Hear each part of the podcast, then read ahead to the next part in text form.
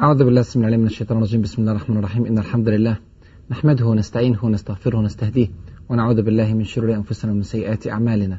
إنه من يهده الله فلا مضل له ومن يضلل فلا هادي له. وأشهد أن لا إله إلا الله وحده لا شريك له وأشهد أن محمدا عبده ورسوله. أما بعد فأهلا ومرحبا بكم في هذا اللقاء الطيب المبارك. وأسأل الله عز وجل أن يجعل هذا اللقاء في ميزان حسناتنا أجمعين. مع الحلقة الثالثة عشرة من حلقات قصة الحروب الصليبية. في الحلقة اللي فاتت تكلمنا على المذبحة الرهيبة التي أقامها الصليبيون للمسلمين في بيت المقدس وقتلوا سبعين ألف من المسلمين في المسجد الأقصى.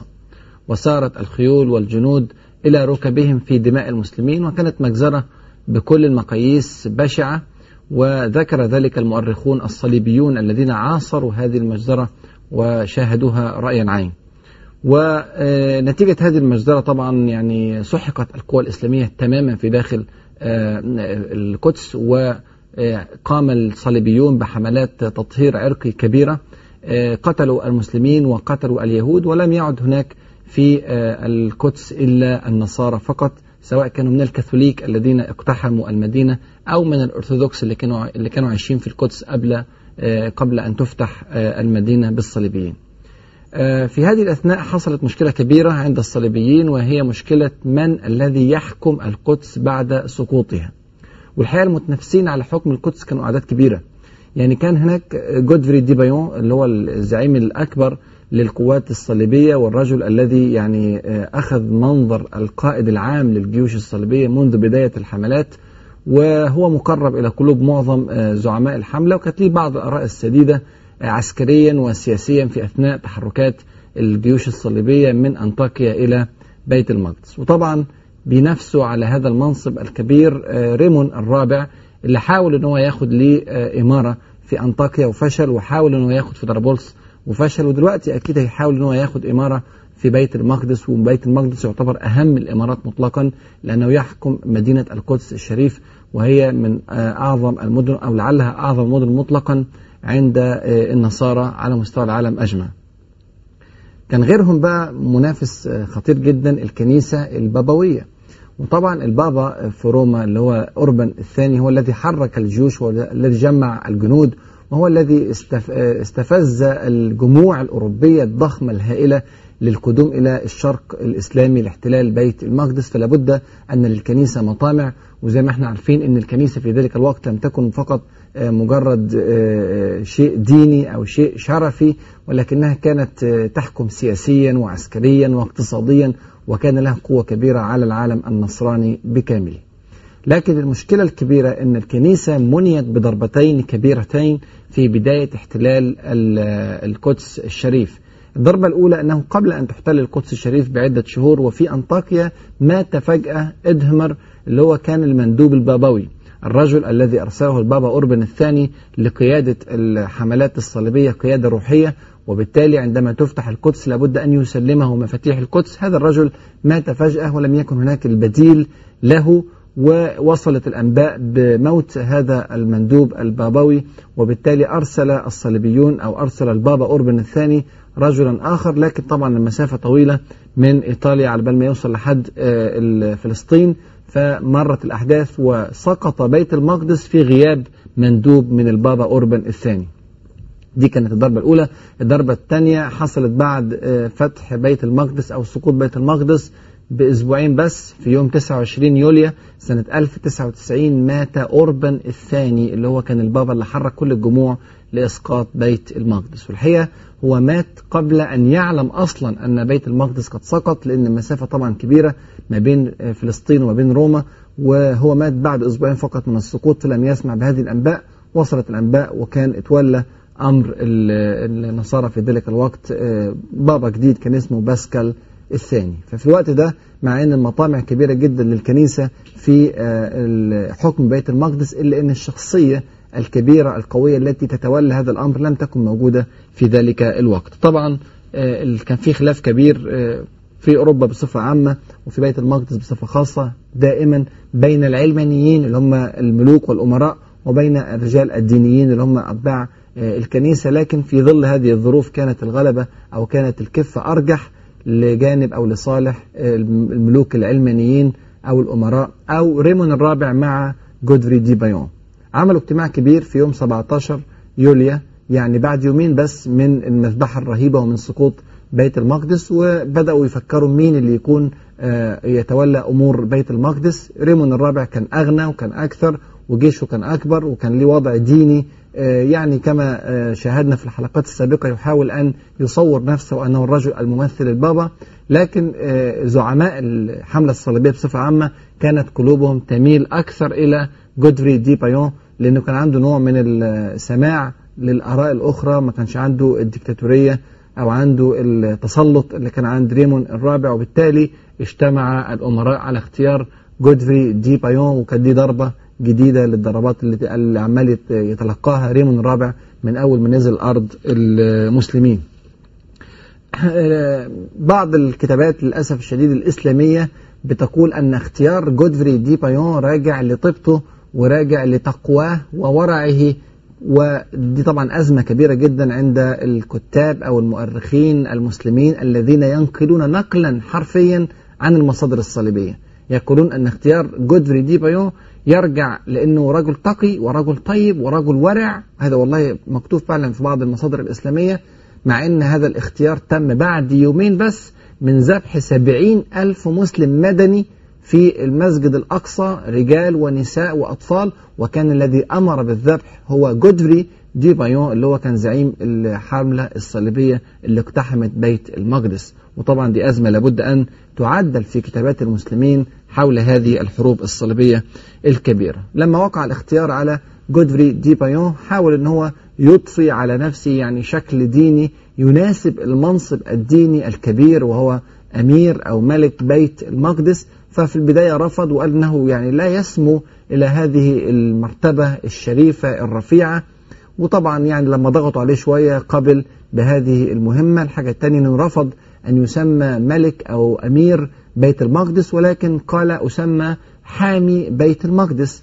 والحاجة الثالثة أنه رفض أنه يلبس تاج وقال أنا لا ألبس تاجا في بلد لبس فيه المسيح تاجا من الشوك فلا ألبس تاجا من الذهب أو المجوهرات. طبعا كلها كانت تمثيلية يحاول أن يضفي على نفسه شيئا من الدينية عشان يكون جمع ما بين أهواء العلمانيين بحكم ملك علماني أو أمير علماني لبيت المقدس وفي نفس الوقت يكون حقق مطامح الكنيسة بأن الرجل الذي يتولى حكم بيت المقدس يكون عنده نزعة دينية أو صورة دينية.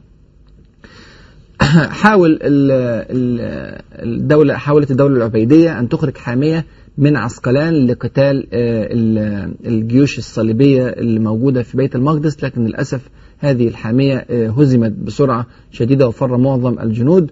وبالتالي أصبحت عسقلان الطريق إلى عسقلان مفتوحا أمام الجيوش الصليبية واتجهت بسرعة الجيوش الصليبية بعد سقوط بيت المقدس بأيام قليلة إلى عسقلان وتم حصار المدينة المسلمة وهي من أهم المدن لأنها بتمثل ميناء ساحلي قريب من بيت المقدس وطبعا بيت المقدس مدينة زي ما قلنا داخلية فتحتاج إلى سواحل على البحر الأبيض المتوسط وهم بالفعل أسقطوا قبل كده يافا لكن كان لازم تأمين معظم السواحل القريبة من القدس. فبسرعة اتجهت الجيوش النصرانية الصليبية لحصار عسقلان وتعالوا نشوف إيه اللي حصل حوالين عسقلان. حصلت بعض الملابسات اللي بتفسر لنا طبيعة الشعب اللي كان موجود في الوقت ده وبتفسر لنا بتفسر لنا برضو طبيعة الجيش الصليبي والأطماع التي كانت في نفوس أولئك القادة في ذلك الوقت.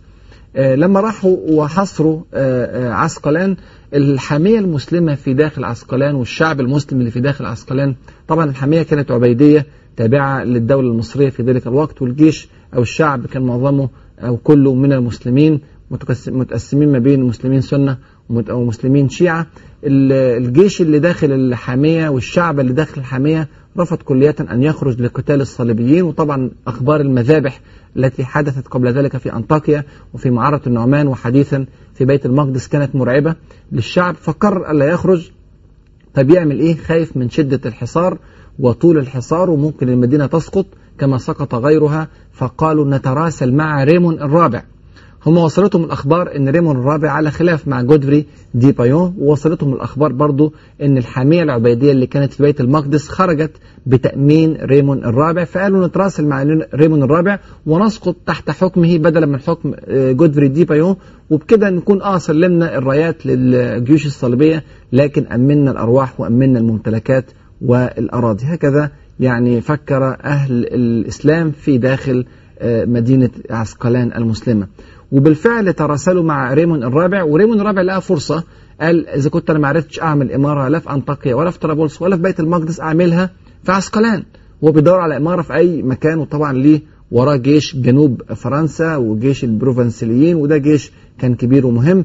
فقبل ريمون الرابع وقرر أن يؤمن أهل عسقلان على أن تفتح المدينة له لكن مين اللي رفض؟ اللي رفض جودفري دي بايون مع إن المدينة تتفتح ومع إن الصليبيين هم اللي هيحكموها لكن جودفري دي بايون كان عايز يحكمها. ليه هو؟ مش لريمون الرابع وده اللي كانوا بيسموه الطيب واللي بيسموه التقي والورع. رفض إن هو يدي الحكم لريمون الرابع وأصر على تأمين هذه المدينة لصالح بيت المقدس لا لصالح ريمون الرابع. وأنكر تماما إن الجيوش الصليبية دي كلها وحدة واحدة قال لا دي جيوش منفصلة وكل أمير أو كل ملك بيسيطر على الجزء الخاص به وطبعا ريمون الرابع غاضب جدا ونتيجة هذا الفعل من جودفري دي بايون ريمون الرابع خد الجيش بتاعه وترك المدينة كلها واتجه إلى مدينة أخرى وقال أفضل أن تبقى المدينة بيد المسلمين على أن تسقط في يد جودفري دي بايون وساب المنطقة واتجه إلى مدينة أرسوف وهي تقع في شمال عسقلان وهي أيضا من المدن الفلسطينية وحاصر المدينة بجيشه ليسقط المدينة ليكون له إمارة في مدينة أرسوف غير أن جودفري دي بايون ساب عسقلان وراح لأرسوف ومنع ريمون الرابع من إسقاط المدينة لصالحه وقال أنها يجب أيضا أن تكون لصالح بيت المقدس لأنها قريبة جدا من بيت المقدس وهي تعتبر من الموانئ المغذية والمؤدية إلى بيت المقدس أو إلى مدينة القدس. وطبعا لما حصل هذا الموقف ريمون الرابع ازداد غضبا لكن ما عرفش يقاتل جودفري دي بايون اللي كان أمير بيت المقدس في ذلك الوقت ومعه معظم الجيوش وارتضاه معظم القادة فأخذ الجيش بتاعه واتجه إلى الشمال إلى منطقة لبنان بحثا عن إمارة له في أرض لبنان حول مدينة طرابلس اللي هو كما طبعا قبل كده كان سال لعابه لثرائها ولغناها بالثروات الطبيعية. زي ما قلنا قبل كده في حلقات سابقة. الزعماء اللي مع جودفري دي بايون شافوه إن هو عمال يسيطر على كل الأمور لحاله هو. طبعا زي ما شفنا ريمون الرابع انطلق إلى الشمال ليبحث له عن مدينة أو عن إمارة في منطقة لبنان. بوهيمند ما نزلش أصلا من أنطاكيا ما فتحش معاهم بيت المقدس. بولدوين أخو جودفري دي بايون استقر في إمارة الرها روبرت اللي كان دوك نورماندي لما لقى الأمور كلها بت بتنفلت من بين يديه وإن السيطرة كلها أصبحت لجودفري دي بايون قرر أن يعود إلى فرنسا وأن يترك كل شيء. طبعا بعد ما أخذ كمية ضخمة من الأموال ومن الغنائم ومن الثروات التي حصل عليها الجنود الصليبيون في أثناء رحلتهم. وطبعا جودفري دي بايون كان فرحان إن معظم الزعماء بيتركوا المنطقة ليكون هو الحامي الأول والوحيد لبيت المقدس كما كان يسمي نفسه.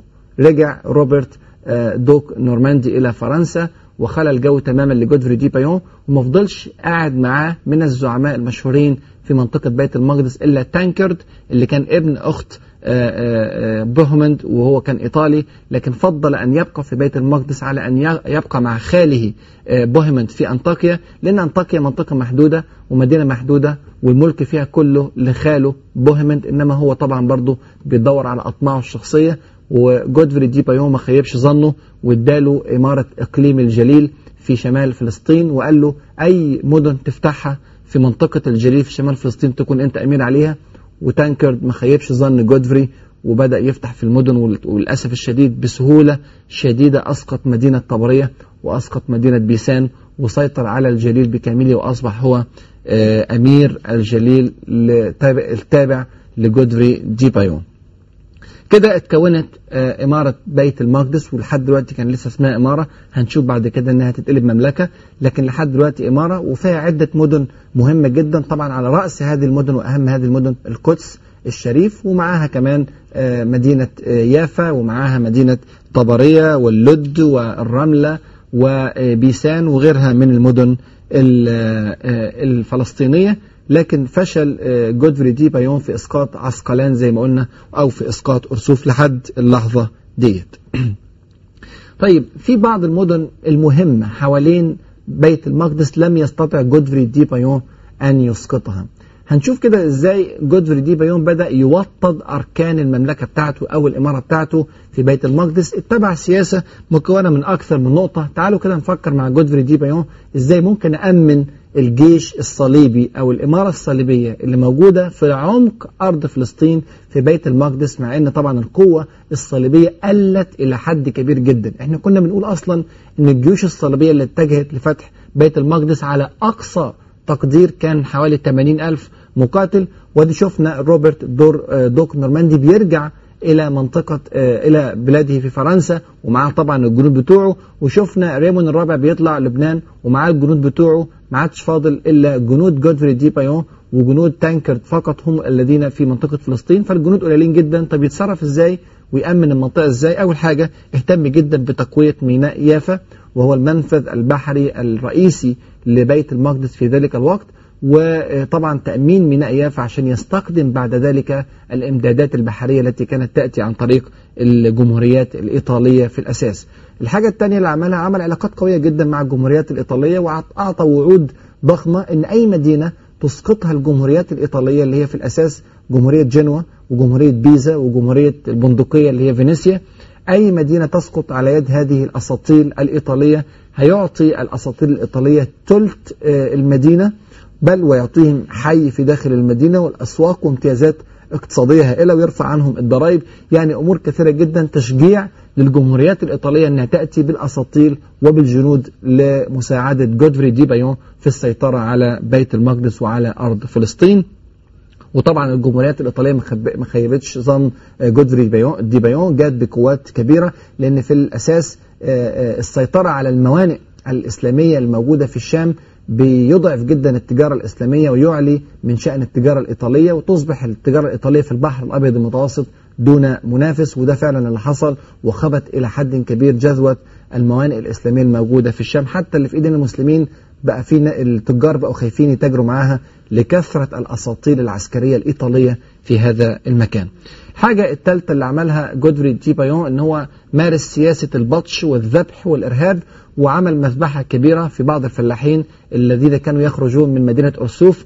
وطبعا هذه المذبحة كانت يعني إشارة لكل المنطقة ألا تقترب من الجيوش الصليبية وقامت بنفس الفعل الذي قامت به مذبحة دير ياسين في قيام دولة إسرائيل أو الكيان الصهيوني في أرض فلسطين عندما ذبحوا في سنة 48 عددا كبيرا من سكان قرية دير ياسين فخشيت بعد ذلك بقية القرى والمدن من العدوان الصهيوني وبالتالي فتح الطريق أمام الجيوش الصهيونية. نفس الطريقة ديت عملها قبل كده جودفري دي بايون والمذابح دي كان لها أثر كبير في استتباب الأمن الصليبي في داخل أرض فلسطين.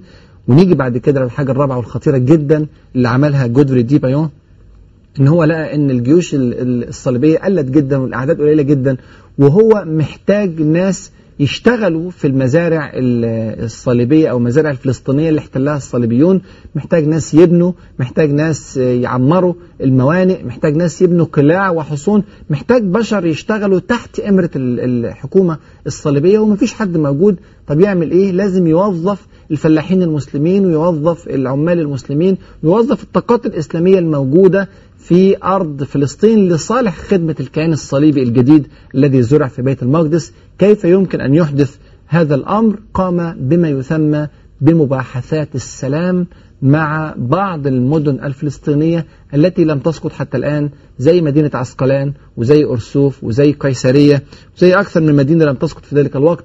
عمل معها ما يسمى, ما يسمى بمباحثات السلام. إيه مباحثات السلام ديت؟ هو أراد في هذه المباحثات أن يقر الحاكم على المدينة الحاكم المسلم الذي يحكم المدينة يقره على حكمه ويؤمن الشعب على روحه في سبيل أن تصبح العلاقة بين الدولة الصليبية التي نشأت في أرض فلسطين وعاصمتها القدس مع يؤمن العلاقة بينها وبين هذه المدن الإسلامية وتصبح العلاقة علاقة وئام ومحبة وتبادل اقتصادي وتجاري وسياسي والصليبيين يدخلوا إلى البلاد المسلمة والبلاد المسلمة تخرج إلى البلاد الصليبية دون أن يحدث قتل بين الطرفين أو أو أو حرب أو جهاد أو ما إلى ذلك من أمور ويرضى كل طرف بالأمر الواقع الذي وصل إليه. شوف بقى الفوائد اللي بيحققها.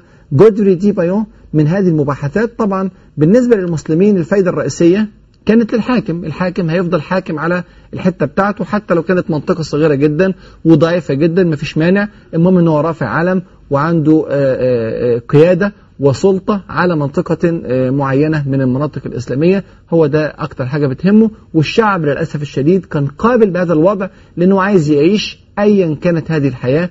وأيا كانت هذه العيشة ذليلة أو مهينة أو تعيسة ما كانش دي في حساباتهم.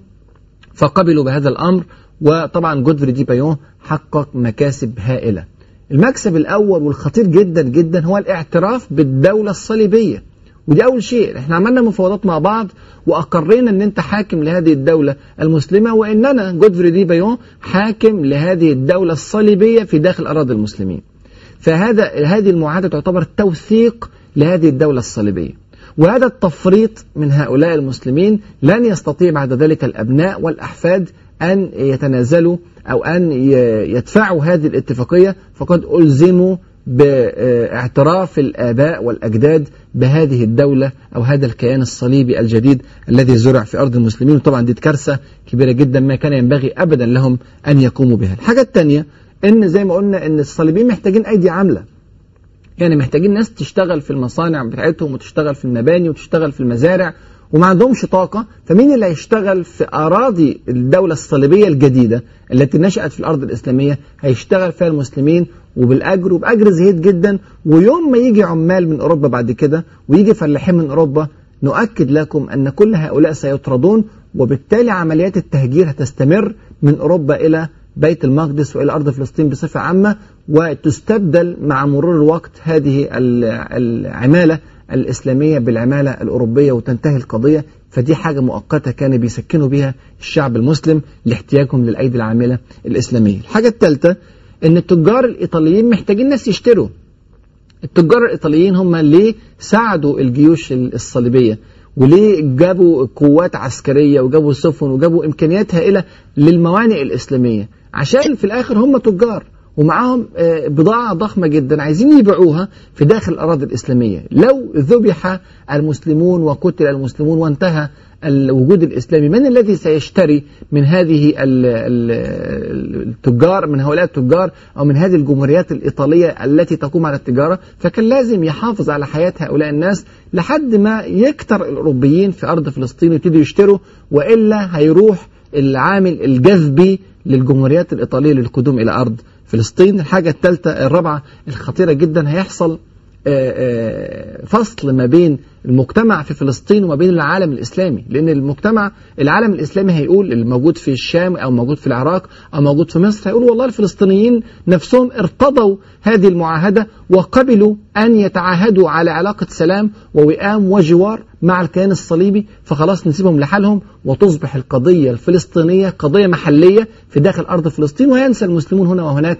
قضية القدس وقضية المسجد الأقصى وقضية الأرض الإسلامية المحتلة. الحاجة الخامسة والخطيرة جدا جدا هيحصل انقسام في داخل الشعب الفلسطيني نفسه. في ناس هترفض تبيع وترفض إن هي تضيع الدين بتاعها وتضيع العرض وتضيع الأموال وتضيع الأرض وتضيع كل شيء وستظل تجاهد في سبيل الله. وفي ناس تانية هتوافق على البيع فهذا الانشطار الذي سيحدث في المجتمع الفلسطيني. قد يؤدي إلى صدام في داخل المجتمع وده بالفعل اللي حصل. مع مرور الوقت يا إخوان هتحصل كارثة كبيرة جدا أكبر من كل اللي فات ده. إن هتنزع علاقة العداء من قلوب المسلمين مع مرور الوقت ويصبح هذا جودفري دي بايون رجل السلام الذي ذبح سبعين ألف مسلم قبل ذلك يمد يده بالسلام فيقبل المسلمون ويصافحه. مع مرور الوقت تصبح دولة صليبية صديقة للدولة المسلمة الموجودة في أرض فلسطين. وطبعا كل ده هيتنسف ويتنسي بعد ما القوى الصليبية تكبر ويبقى عندها الطاقة الكاملة لردع المسلمين الموجودين في أرض فلسطين وده اللي حصل بالفعل واللي هتشوفه مع مرور الأيام. وسبحان الله التاريخ بيتكرر وإحنا بنحكي التاريخ يا إخواني واخواتي عشان نستفيد. ولعلي الناس اللي سمع الحلقة دلوقتي بتقول أنا ما بتكلمش على على تاريخ أنا بتكلم على واقع. وده فعلا التاريخ يا إخواني واخواتي يتكرر. ونسأل الله عز وجل أن يفقهنا في سننه وأن يعلمنا ما ينفعنا وأن ينفعنا بما علمنا إنه ولي ذلك والقادر عليه. السلام عليكم ورحمة الله وبركاته.